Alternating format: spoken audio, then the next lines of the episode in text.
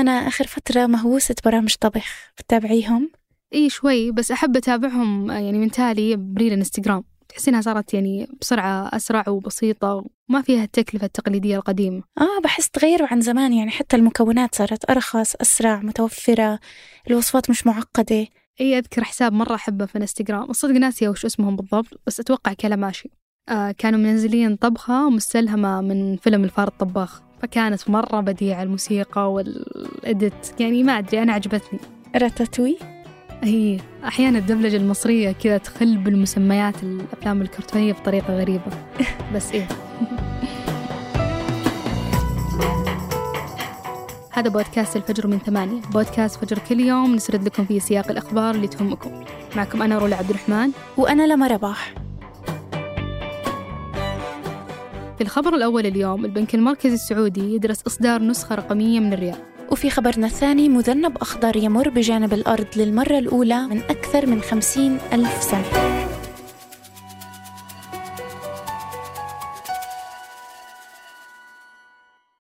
قهوة الصباح وأجود محاصيل البن المختص تلاقيها في خطوة جمل. اعرف أقرب فرع لك من الرابط في وصف الحلقة.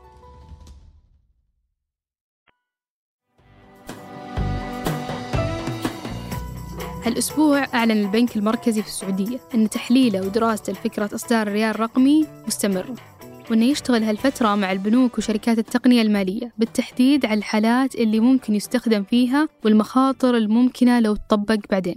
ودراسة البنك المركزي لفكرة إصدار عملة رقمية من الريال ما هي بجديدة لأنهم في سنة 2016 أعلنوا عن بداية تجربة لتداول الريال الرقمي لكنها كانت بين البنوك بس. عشان يعني يتفادون أي أثر وخطورة ممكن تصير لو لا قدر الله. بس في 2019 أعلن عن التعاون مع البنك المركزي الإماراتي تطوير عملة رقمية مشتركة بين البنكين. أن هناك ما يسمى عملة رقمية تسمى عابر.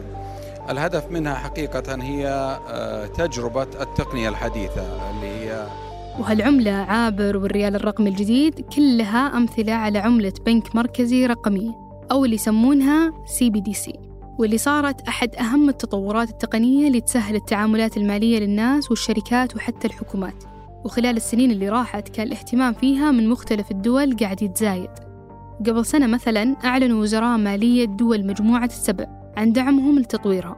وهالعملة الرقمية أو اللي اسمها CBDC تتشابه مع البيتكوين وباقي العملات الرقمية اللي مثلهم. كل شيء باستثناء فرق جوهري بينهم. وهو إنها مركزية وحكومية بينما البيتكوين مثلا على الطرف الآخر ما هي تابعة لأي جهة. والفكرة فيها إنها نسخة إلكترونية من العملات الورقية الملموسة لكنها تختلف عن الفلوس الإلكترونية اللي نتعامل فيها اليوم مع البنوك بشيئين رئيسية. الأول أن المسؤول عنها واللي يضمنها هو البنك المركزي. أما الأموال الإلكترونية اللي تحتفظ فيها البنوك اليوم وتسوي التعاملات المختلفة عليها تكون مسؤوليتها وضمانها على البنك نفسه. وهنا تجي الفائدة الأولى للعملة الرقمية وهو أن الفلوس المحفوظة فيها تكون بأمان أكثر وما تتأثر لو أفلس البنك أو صار له شيء. أما الفرق الثاني هو أنها مثل البيتكوين تستخدم سلسلة الكتل أو اللي يسمونها البلوك تشين تنفيذ كل عملياتها. وهالشيء ما يصير بتعاملات الأموال الإلكترونية عند البنوك اليوم. وهنا تجي فائدتها الثانية وهي إنها تخلي التعاملات المالية مثل الشراء والبيع والاقتراض وصرف الدعم الحكومي للناس وغيرها أسهل وأرخص بكثير. واللي يأكد أهمية هالشيء دراسة سوت على قطاع التجزئة بأمريكا وتقول إن بسنة واحدة وبس بعمليات الشراء اللي صارت بقطاع التجزئة إن تكلفة إتمام العمليات والعمولات اللي تضمنتها تجاوزت الواحد ثمانين مليار دولار. وأكيد لو كانت هالعمليات بعملة رقمية تستخدم البلوك تشين بدال الطرق الحالية للبنوك كان كلفت العمليات أقل من كذا بكثير. وعشان كذا بدت أمريكا بمشروع إنشاء دولار رقمي. Is the Fed working on a digital dollar? We are actually evaluating that. Most um, major countries. Uh, والسنة اللي راحت أصدر جو بايدن أمر تنفيذي عشان تدرس الحكومة فرصة إنشاء الدولار الرقمي وأعلن عن خطة شاملة لمختلف الجهات بأمريكا عشان تتعاون لتطويرها وإطلاقها وحسب المحللين أن جزء من هالاهتمام صار فيها بسبب الصين اللي بدأت من سنة 2020 تجربة نسخة رقمية من عملتها شارك فيها أربع بنوك وعشرات آلاف من الناس. وصلت المبالغ اللي تنفذت فيها بالليوان الرقمي لأكثر من 300 مليون دولار. وبالهند أعلن وزير المالية أن من بداية السنة اللي راحت 2022 دخلت العملة الرقمية للهند بالميزانية السنوية للدولة. واليوم تقول التقديرات أن 90% من البنوك المركزية حول العالم قاعدين يستكشفون فرصة تطبيقها. وثلثينهم على الطرف الآخر واللي منهم طبعا البنك المركزي بالسعودية دخلوا بمراحل تجربتها. في عشر دول بالعالم أطلقوا نسخة رقمية من عملتهم. وعموما تقول بعض التحليلات أن توجه الدول السريع لها الشكل من العملة. يجي بسبب تخوفهم من فقد الحكومات ولو بشكل جزئي. لسيطرتها على التحويلات المالية وأنظمتها بعد ما تزايد بالسنين الأخيرة تحول جزء منها للعملات الرقمية اللي ما هي بمركزية مثل البيتكوين. فتكون هالعملة الرقمية طريقة للبنوك المركزية أنهم ينافسون يواجهون العملات الرقمية الثانية اللامركزية لكن مع الاهتمام الكبير بتطبيق العملة الرقمية حول العالم بعض الاقتصاديين يحذرون من المشاكل اللي ممكن تصير معها trouble would be if CBDC would replace bank deposit. And this would be very dangerous, obviously. وبشكل رئيسي الخطورة فيها أنها بتسهل سحب الناس لفلوسهم اللي عند البنوك. بشكلها الاعتيادي اليوم وتحويلها لهالعملة الرقمية التابعة للبنك المركزي. وبكذا تقل السيولة عند البنوك وهالشيء طبعا بيضر الاقتصاد وحتى بيهدد باحتمال إفلاس البنوك. لكن اللي يقولون المحللين أن وجود مثل هالتخوفات متوقع مع أي تغير كبير بهالحجم. وإذا قدرت الحكومات والبنوك المركزية تحديدا تتجنب المشاكل اللي ممكن تصير بتطبيقها فكل الجهات بالاقتصاد سواء الحكومية أو المتاجر أو حتى الأفراد يستفيدون من تأثيرها وتطبيقاتها المفيدة المختلفة.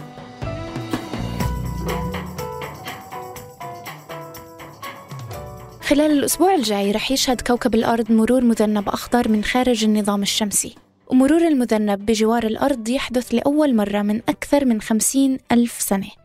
يعني آخر مرة شهد كوكبنا مرور هذا المذنب كان في العصر الحجري بحسب صحيفة الجارديان وبيتميز المذنب بحسب الخبراء بلونه الساطع والوهج القوي اللي يميل لونه للأخضر. ورح يكون أكثر وضوحا للمشاهدة في 2 فبراير بالنصف الشمالي من الكرة الأرضية خصوصا وأنه بيكون على بعد 26 مليون ميل من الأرض يعني 110 أضعاف المسافة للقمر. لكن رؤية هذا المذنب رح تكون ضعيفة بالعين المجردة. ولذلك يشير المختصين بالفلك أنه من الأفضل استخدام المناظير الليلية حتى تساعد المهتمين إنهم يشوفوا المذنب الأخضر بشكل واضح. وأعلن علماء الفلك عن معلومات مفصلة عن هذا المذنب وكشفوا عن الأسباب اللي بتخلي مروره حالة فلكية نادرة. واللي رح نشرح لكم تفاصيلها بعد شوي.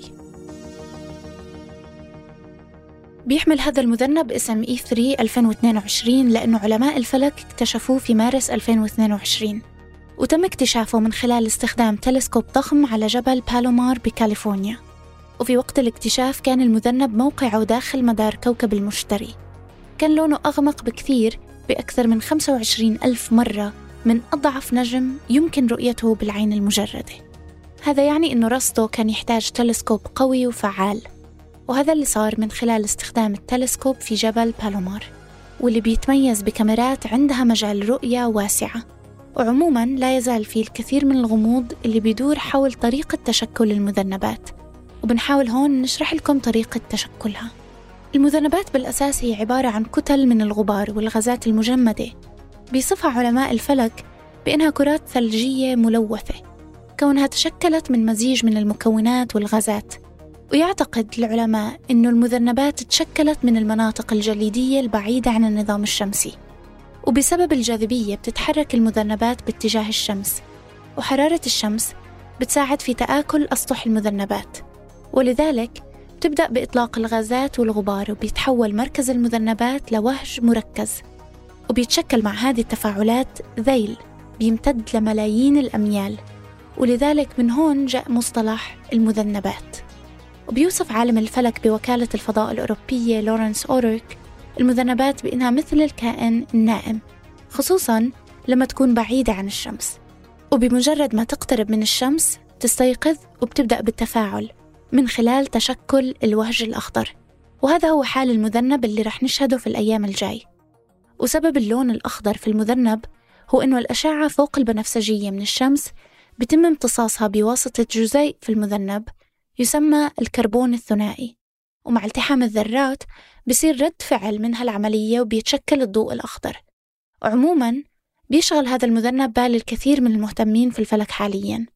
فلسنوات اعتقد العلماء أنه هذا المذنب بجانب مذنبات ثانية ممكن ما نشوفهم بعد اليوم. لكن ظهوره من جديد أعطى أمل بأنه لا يزال موجود. ويعتقد العلماء أن المذنبات هي بقايا النظام الشمسي الأول وربما هي المسؤولة عن تشكل الأرض في الأزمنة القديمة. ورح يستخدم العلماء تلسكوب جيمس ويب لمراقبة المذنب بنهاية فبراير وبيحاولوا من خلال هذا الرصد إنهم يعرفوا بشكل أفضل كيف تشكل كوكبنا وفهم الظروف اللي أدت إلى نشوء الحياة على الأرض. وذكر علماء الفلك أن المذنب الأخضر اللي بينتظره العالم ممكن يرجع من جديد بعد خمسين ألف سنة. ولكن تحركاته الغريبة في المدار ممكن تشير أنه هاي هي المرة الأخيرة اللي تتم فيها مشاهدته. قد يختفي بعدها إلى الأبد.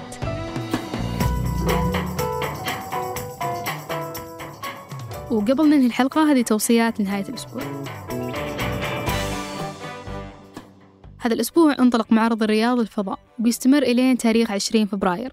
المعرض يعتبر فرصة للأشخاص اللي حابين يتعرفون على عالم الفضاء وإصراره في بيئة تفاعلية متكاملة. وتمكن الزوار أنهم يستمتعون ويشاهدون مقتنيات حقيقية. استخدمها رواد الفضاء في مهمات حقيقية من بينها بدلات وملحقات أصلية تم استخدامها في البعثات الفضائية. افتتح في جدة الأسبوع أول بنالي للفنون الإسلامية. أول بيت. والحدث اللي عنوانه أول بيت. يعطي تجربة للزوار أنهم يشوفون معالم إسلامية متنوعة. من بينها صالة الحجاج القديمة ومشهد توافد الحجاج قديما. الحدث بيستمر إلى 23 أبريل. وبيشارك فيه فنانين سعوديين مثل مهند شونو ناصر السالم أيمن يسري وبيشهد على عرض قطع لها تاريخ عريق مثل باب الكعبة من عهد الملك عبد العزيز وأعمدة المسجد الحرام من العصر العباسي.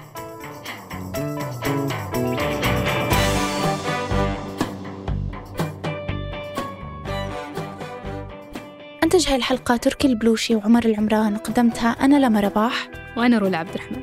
وحررها محمود أبو ندى بنشوفكم فجر الأحد.